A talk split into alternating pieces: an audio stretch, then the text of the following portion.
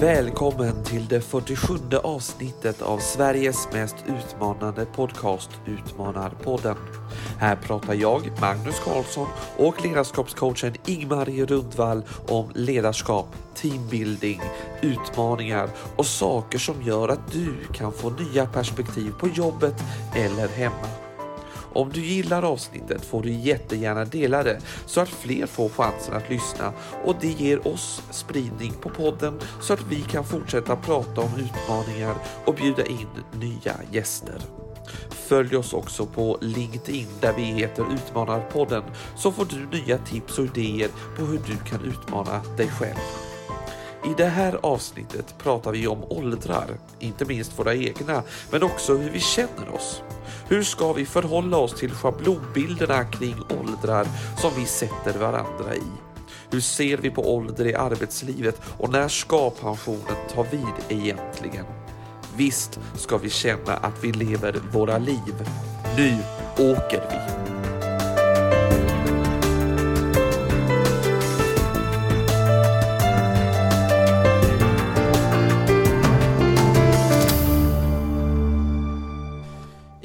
Nu är vi tillbaka igen. Vi sitter här på Comfort Hotel i Kista i deras podcaststudio. Vi är tillsammans, vi är laddade för ännu ett avsnitt. Är du laddad? Absolut! Alltså det här är gyllene tillfälle för egenutveckling. Det säger vi till våra lyssnare, men det är det ju också för oss. Så att jag är jätteladdad. Och du sa ju när vi landade in här att du hade någonting du ville börja med. Så jag tänker, börja på Magnus. Jag är nyfiken. ja, då, då tänker jag att vi ska lyssna på en grej. Mm. Det kommer här.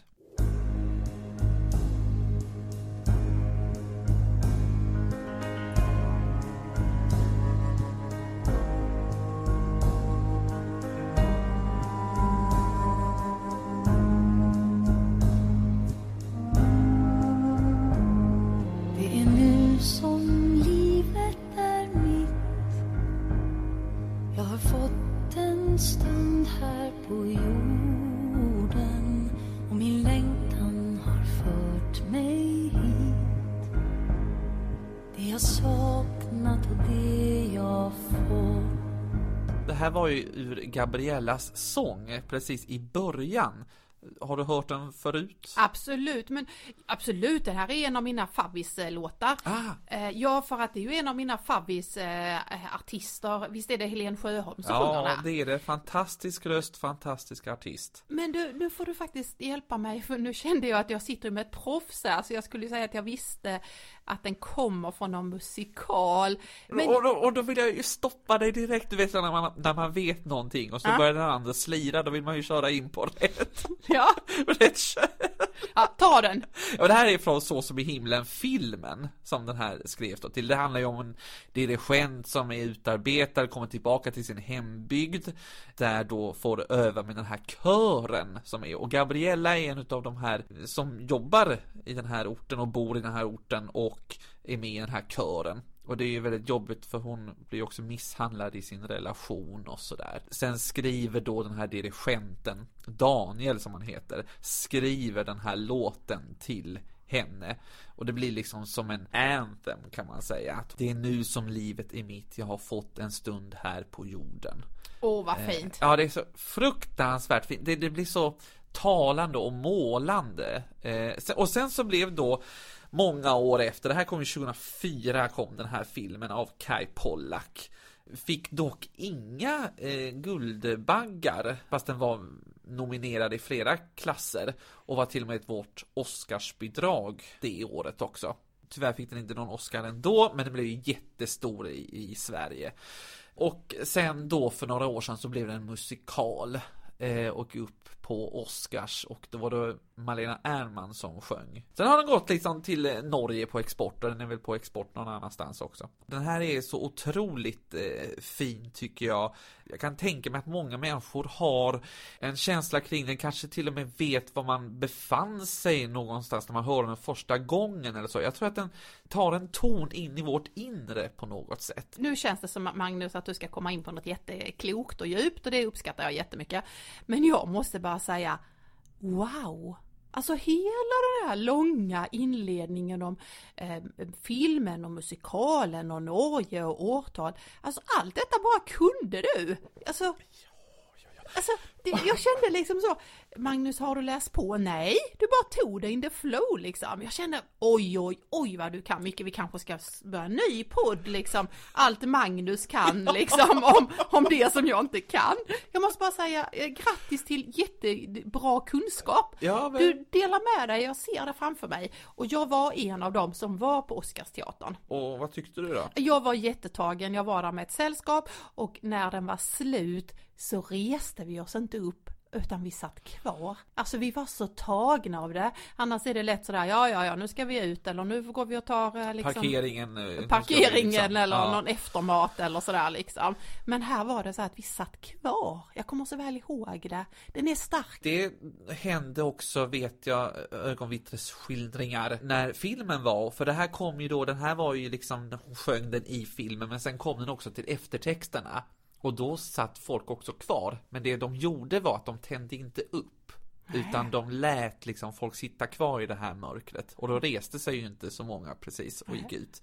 Men lite som en reflektion efter filmen. Okej, hur gör jag och många kanske som var i samma situation. Hur ska jag göra nu? För att Gabriella lämnar ju sen sitt miserabla förhållande. Liksom. Det sätter an en, en ton. Ja, eh, verkligen. Som sagt var, tack för en jättegott lärande här i början. Men, men vad sa du då? Du var någon annanstans? Jo, du var på det här att jag, vi har fått en stund här på jorden. Ja men precis. Mm. Och liksom då har jag funderat på vad är det vi gör om den där stunden egentligen på jorden. Mm. Man säger hela tiden så här, ja man blir ju inte yngre, he he he he he. Eh, och så bara åldras vi liksom. Jag tänkte så här, kan vi göra något avsnitt liksom där vi pratar vårt förhållande till ålder? Ja, vi kör direkt. Ja, Ja, men jag, Oj, du måste ha väldigt många tankar i det här. ja, men jag, jag har ju levt så länge så jag har hunnit fundera på varenda gång där man blåser ljusen. Va, va, vad är det? För bara det är ju spännande. Att Ibland så har vi ju synpunkter på, om vi nu är på jobbet, så har man ju ibland synpunkter tycker jag på att ja, allting ska kunna mätas, säger man. Och det har varit kritik mot svensk skola, men hur mycket kan man egentligen mäta de svenska eleverna? Och det är eh, en kritik i svensk äldrevård och sådär liksom, omsorgen. Och så ska det mätas och så ska det bli en siffra av det. Det, det är bra eller inte så bra så är det 7,4, det har vi pratat om innan. otroligt. Liksom. Allting ska mätas. Mm, och det är alla lite kritiska mot. Och ändå gör vi ju precis likadant med våra liv. Där vi mäter allting i en siffra. Ja, Så visst är det intressant att även ålder är en siffra. Då måste man ju tänka sig, skulle vi kunna hitta något annat mätningsverktyg? Istället för torrt ljus? Du har ju säkert tänkt i det här så här vad man skulle kunna mäta in. Det har jag faktiskt inte, men jag kan väl komma på nu. Det är väl du och jag bra på. Vi kommer på nu. Eh, man skulle kunna mäta hur många gånger man har misslyckats. Då skulle jag ju hellre vilja ta så här hur många gånger man har lyckats då, för då måste man ju Ja, okej, då. otroligt många siffror. Vad är det som gör att man känner att man har levt sitt liv? Är det hur många gånger man har flyttat? Skulle det kunna vara en annan siffra? Skulle den sagt mer om mig än att jag har 57 ljus på en tårta? Vad skulle det sagt om mig? När någon säger att den är en viss ålder, vi säger den är 57, då får man ju genast en bild av, eh, lite så här klyschigt, okej vad har den personen uppnått, vad kan den här personen? Vi har ju bilder på hur man ska vara vid en viss ålder. Och det tycker jag är ganska tråkigt. Det håller jag med dig om och på något sätt är det ju jättemycket så att de här siffrorna, för om du tänker dig vilken eh, seriös tidskrift eller inslag eller Facebook eller vad du än läser, vad du nu läser dina input i huvudet så, och så kommer det då, här är Stina Jönsson, hon har lyckats med det här genom livet. Och så gör man en liten faktaruta om Stina Jönsson och då börjar det med alltid ålder.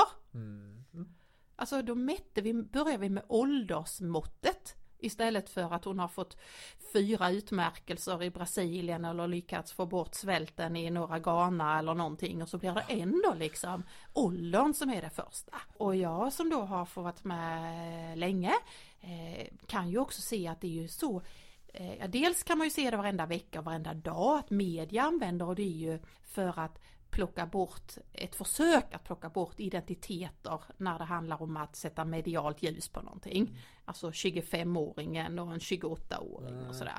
Under många, många år på 80 och 90-talet så visste vi ju alla 33-åringen. Det kan inte Va, du va, komma nej, ihåg va? vad var det då? 33-åringen var den som på något sätt anses vara misstänkt för mordet på vår statsminister. Jaha. På statsminister Olof Palme. Ja, ja, ja. Som skedde 86 där på våren. Och då jagade man 33-åringen. Och nu är 33-åringen inne, eller nu är den inte häktad och 33-åringen är släppt och 33-åringen och 33-åringen och så. Eh, så många gånger så att jag minns att det var en 33-åring. Jag minns också att jag någon gång tänkte när det gått fem år, han kan knappast vara 33 år längre. Jag tänkte faktiskt själv på det när vi satt och pratade om det. Ja, hur länge var han 33? Huh? Men varför tror du att man gör så? Att, att media fortfarande sätter de här 25-åringen i Ja men det är ju för att man vill liksom på ett sätt hjälpa till att inte den blir avslöjad i sin identitet. Vi har ju, det är ju en yrkesetik i journalistiken att inte sätta det. De har inte heller kommit på någonting annat, precis som vi själva har gjort. Vi har inte heller kommit på.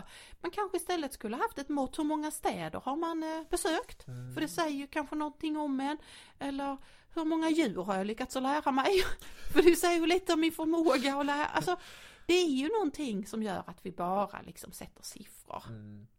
Men vet du vad? Eh, vi är ju bra på parenteser. Jag måste bara ta en parentes som jag är lite, blev lite tagen över. Alltså det är ju faktiskt så att vi har ju haft två ministrar i vårt land som har blivit mördade. Det är Palme och det är Anna Lind. Och Anna Lind fanns det ju då någon som man fångade in och eh, fick en livstidsfängelse. Medan eh, Palmemordet som det då heter är ju fortfarande ouppklarat. Och, och, och jag har aldrig riktigt tänkt på att det ingår i den svenska historiebeskrivningen eller det här är landet historia, landets historia. Ja. Eh, jag fick upp ögonen för det när jag hade något uppdrag som chef och så skulle vi starta ett samarbete med ett eh, helt eh, ovanligt land, nämligen landet Turkiet. Jag var där i, ett försök att se om vi skulle kunna starta ett utvecklingsarbete tillsammans. Och det handlade om pedagogik så det var väldigt spännande för det var väldigt olika. Och så skulle man försöka att bygga relationer snabbt. Och i de länderna är det ju väldigt mycket mer män än vad det är kvinnor. Så bara att jag var kvinna var lite, lite konstigt. Och så skulle vi göra det och så får man ju prata om någonting och så tänkte jag ska lyssna in vad de har att säga. Och, och då säger de på väldigt mycket bristfällig engelska någonting, de här äldre männen. Pa, pa, pa, palma, palbe, pä. Så jag tänkte, vad är det de säger? Och så, så försöker de att säga liksom Sverige, Sweden och så detta då ordet. Och då förstod jag, de var väldigt tagna av eh, Palmemordet och att det inte var uppklarat. Och, och efter ett tag förstod jag deras eh, sätt att uttrycka sig så jag förstod att, att de liksom undrade hur som vi som nation har kunnat gå vidare utan att vi faktiskt har löst en av våra största historiska händelser Ja. med en väldigt tragisk utgång. Det har ju blivit vår vardag. Vi, alltså, vi vet inte säkert vem det var som mördade Palme. Medan man utifrån sett måste ju säga, men hur ska Sverige kunna lösa det här? Alltså det, det är större för dem. Det är väl ungefär som till exempel USA har Kennedy till exempel. Och vi har faktiskt två stycken. Ja men precis. Ja, det är lite intressant. Ja, faktiskt. Men vi, du, vi, vi bruk- lämnar den. Ja. För nu skulle vi ju inte prata om döden, utan vi skulle ju ta Gabriellas, vad var det du sjöng i början där? Det är nu som livet är mitt. Jag har fått en stund här på jorden. Just det. Så nu är vi här på jorden, Ja. vi har fått och vi är på vår stund. Ja, Men då tänker jag så här, man brukar ju ibland fråga så här, men vilken ålder känner du dig som? Får du den frågan någon gång ibland? men däremot hör jag väldigt många säga, eh, jag är det här, men jag känner ju mig som. Ja, jag känner igen det där. Ja, nej men jag är så här, nej men jag känner ju mig som. Liksom lite att det innebär ju att de inte tycker att de är det de står på papper. Och ofta tror jag att man känner sig yngre än vad det är som står på pappret. Ja, det är möjligtvis när man har någon hög feber eller eh, har råkat ut för någon skada eller eh, är lite förkyld eller så, så kan man ju säga jag känner mig som 80 idag. Ja. Liksom. Mm, Exakt. mm. Men annars så är man så. Ja, det, alla andra är ju för att man känner sig yngre. Ja, Och när vi då pratar om ålder, eh, men förresten får du den frågan? Fast du är mycket yngre. Vilken ålder är du eller vilken ålder Nej, känner du så? nej, men det är väl mer så här, jag fastnade i ett, ett sånt eh, samtal för någon vecka sedan bara. Ja. Om eh, hur man liksom känner sig, att man kanske liksom lite stannar i den åldern. Alltså, man kommer till någon punkt någonstans. Och så stannar man där kanske i den rent mentalt. För jag tänker så här, nej men jag är ju någonstans här 28, 29 liksom. Nu är jag ju 35. Och undrar hur länge den jag kommer att stanna där i att jag är 28, 29 liksom. När jag tio år senare kommer att förflytta den till att jag är kanske typ 35. Alltså Fast du är 43 precis, då liksom. ja. Hur eh, kommer det att se ut? Det kan man ju börja fundera på Jaha. egentligen. Och jag då som gillar ord, alltid mina ord och människans förståelse av världen utifrån vad vi benämner den som. Så kan jag ju tänka, kan man liksom sätta ihop ord på nya sätt? Kan man till exempel säga att man är gammal och en talang? Ja, ja, ja, du tänker som ofta säger att det här är en ung och En, talangfull. och skulle man kunna säga att man är ung och klok? Kan kan man ju, men man gör ju inte det. Nej, utan man säger ju det här, hon är ung och en riktig talang. Ja. Eh, Och han, han är gammal och klok. Så det här är, tycker jag är jättespännande. För, för något förhållande till sin ålder har man ju hela tiden. Jag kan tänka mig att du har det för att det finns tankar om vad du skulle ha uppnått när du är x antal 35. Precis. Eh, x antal 30 skulle jag säga. Ja, vet du om det? fast det blev, du sa ju rätt. Det var en freudiansk felsägning där. Ja, du Men det med. kan vi gå ut med. Jag är 35 i detta nu. Ja. Eh, Ja, och Men då, det, absolut, det finns ju en bild av vad man som 35-åring ska ha uppnått. ja, och det är väl hela tiden det man strävar också, eller inte strävar efter, men det är den man får till sig hela tiden. Och det är väl där man säger, åh jag borde ha gjort det här och jag skulle ha gjort det här. Eller varför har inte jag på det här sättet när alla andra har det så? Det är väl det man hela tiden förhåller sig till, den här schablonbilden. en som jag, eftersom jag då är ett snäpp äldre ju, så att en som jag tycker verkligen ställer till det, det var ju, och som verkligen har hängt kvar, det var ju vår dåvarande statsminister eh, Fredrik Reinfeldt. Eh, nu är jag inte alls lika duktig på år så som du var där på den filmen som inledde dagens eh, avsnitt, men jag tror att det var typ 2012 säger vi. Då vet jag i alla fall, den siffran jag kommer ihåg, den viktiga, den kommer nu. Nämligen då sa han, alltså man måste börja se att pensionsåldern är 75. Oj, oj, oj vad det, Det tog rör. väl Fyr. fyr i, eh, Ja, i stugorna. ja. Det, det var liksom inte bilden utan eh, då när han sa det så var den ju 65 och han menade att nej, men med tanke på hur, hur arbetslivet ser ut och med tanke på hur många hur, hur få det är som jobbar men också faktiskt hur bra vi människor mår i Sverige och våra kroppar. Inte allas, vi har fortfarande tyvärr en del tuffa kroppsjobb kvar som sliter hårt.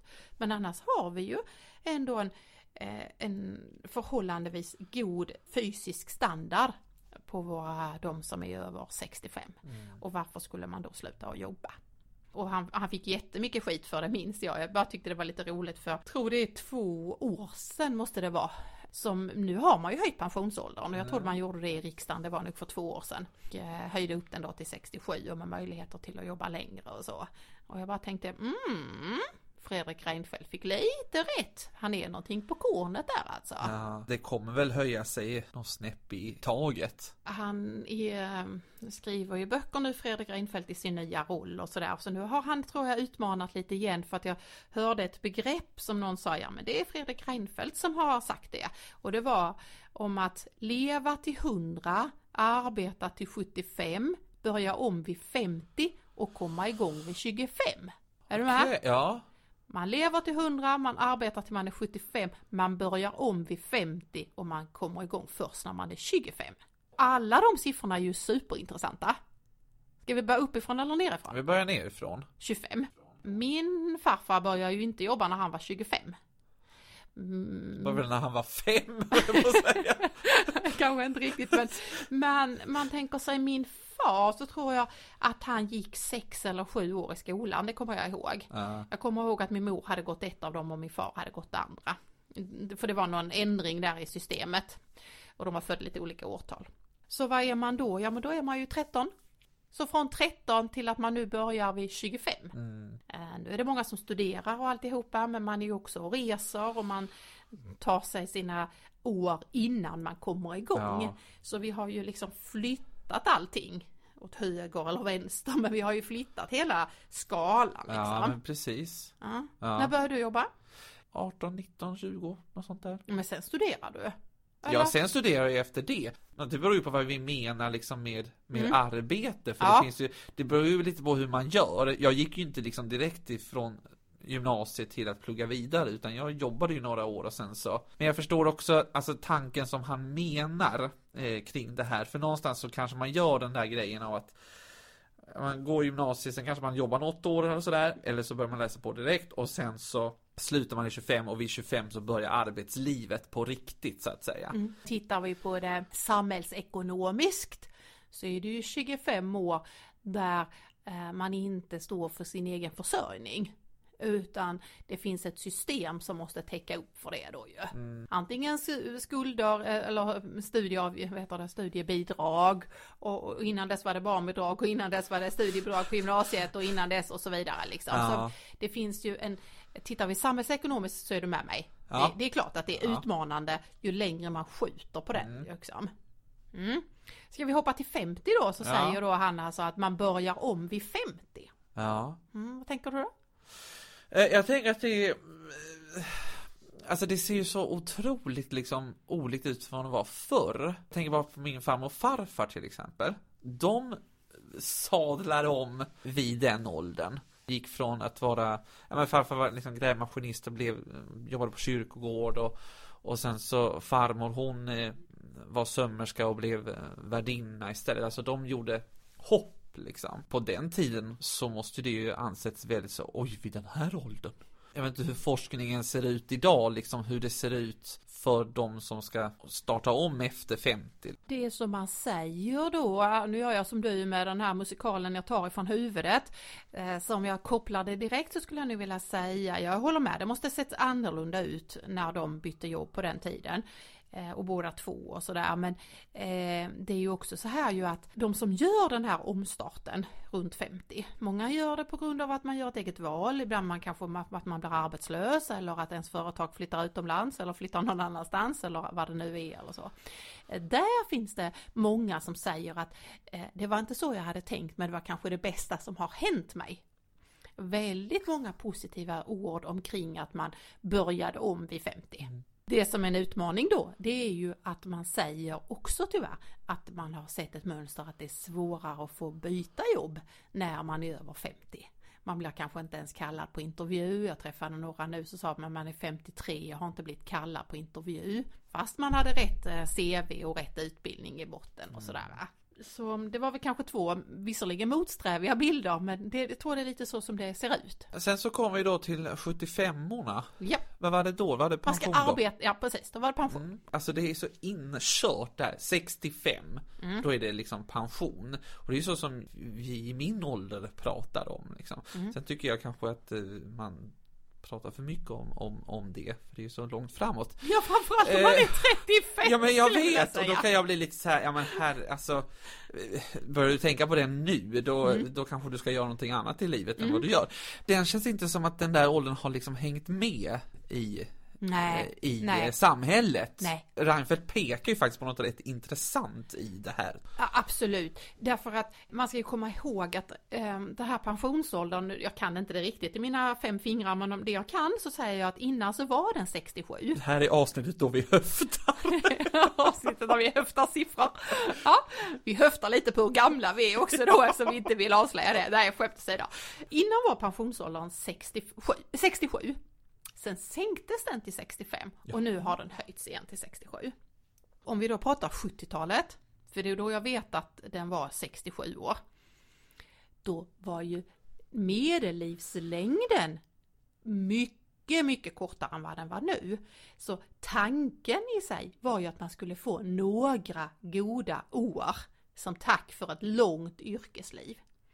Det fanns ju människor som dog kanske 70, 72 tror jag var medellivslängden. Eh, Jag minns alldeles konkret att min farmor var 67 och, och när alla som pratade om henne flera år senare så var det, ja när dog hon? Ja hon dog när hon fick sin första pension. Ah. Så samma månad som hon fick sin första pension, då dog hon 67 år gammal. Eh, och, och det var liksom, det skulle man få lov att få uppleva, att få sin pension och få ha det i något år. Så var tanken.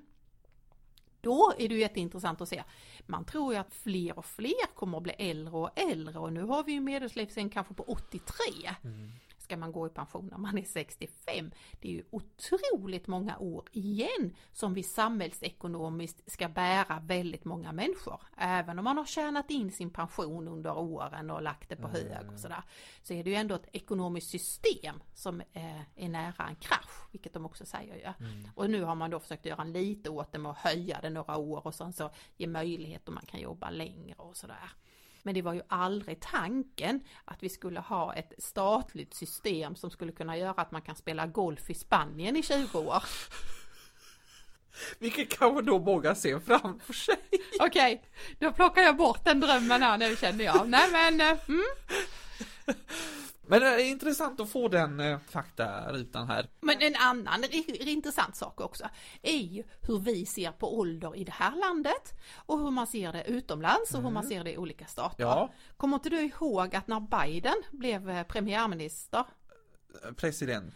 När, kommer du ihåg när Biden blev president? Alltså jag är så inne på siffrorna Magnus, ja. så att jag liksom President blev han såklart. Joe Biden, USA heter landet, han är presidenten där. Han är ju lika gammal som man innan tänkte att man skulle hjälpa någon farbror att sätta sig med käppen i bussen. Mm. Och då blir han president i en av världens största länder.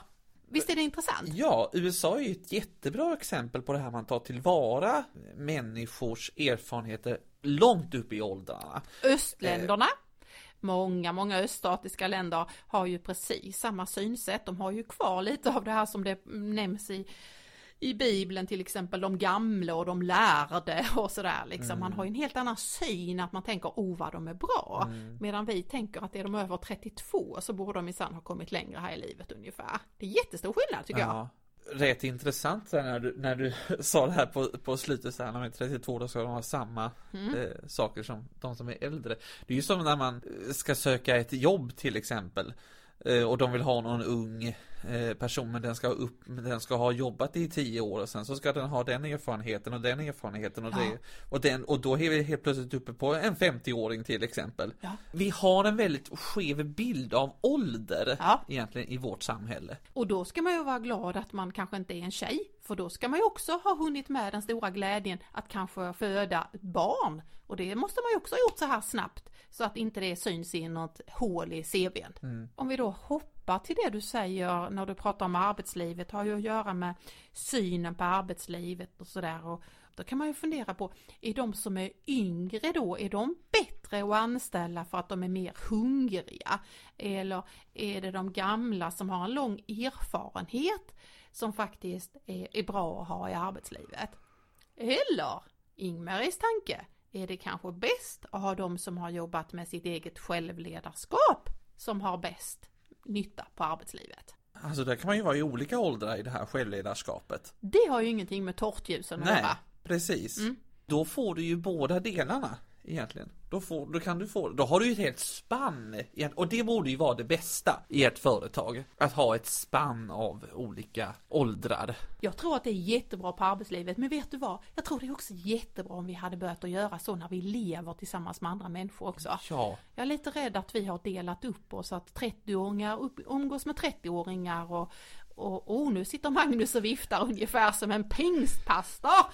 Han tror på detta ser det ut som. Du kan fortsätta Magnus. Men det är bara för att jag håller med, för att redan ifrån skoltid så blir vi indoktrinerade i de här årskurserna, de här klasserna vi går. Då ska du umgås med dem, alltså treorna umgås med treorna. Och det verkar lite konstigt att de umgås med fyrorna när man är en trea. Alltså hela det. Och sen så fortsätter det nu är liksom i 20-åringarna, då umgås man bara där och liksom så här, det är det jag tycker är så viktigt. Du måste umgås med människor i olika åldrar för du får olika erfarenheter som du kan koppla till dig själv. Du kan få nya tankar, du kan få nya reflektioner. Alltså det, det blir så mycket mer intressant, ditt mm. liv, eh, om du umgås med människor i alla möjliga åldrar. Jag kan bara säga ja och amen på den vittnesbördet. Jag vet ju hur väl du mår av att träffa brorsbarn eh, och att träffa den äldre generationen och samtidigt ha eh, kvinnliga väninnor och manliga vänner och allt vad man nu kan Ja. ha. Det är precis det man ska vara i. Eh, och vad är det som har gjort att vi har inskränkt oss? Vad är intressant du gjorde det här liksom att, att vi nästan tycker det är konstigt om en tioåring spelar fotboll med en tolvåring på skolgården för att nu, det är bättre om han spelar med tioåringar för det gör ju alla andra där liksom. Ja, det var intressant. Tänk om Det- det, börjar där eh, liksom. Ja, det börjar ju väldigt tidigt egentligen. Jag tänker på arbetslivet där, det, det är ju flera som till exempel då Mr Rapport, till exempel Claes Elfsberg då, eh, och flera av hans kollegor som har vittnat om det här och pratat väldigt mycket om det här att det finns en åldersdiskriminering i arbetsmarknaden.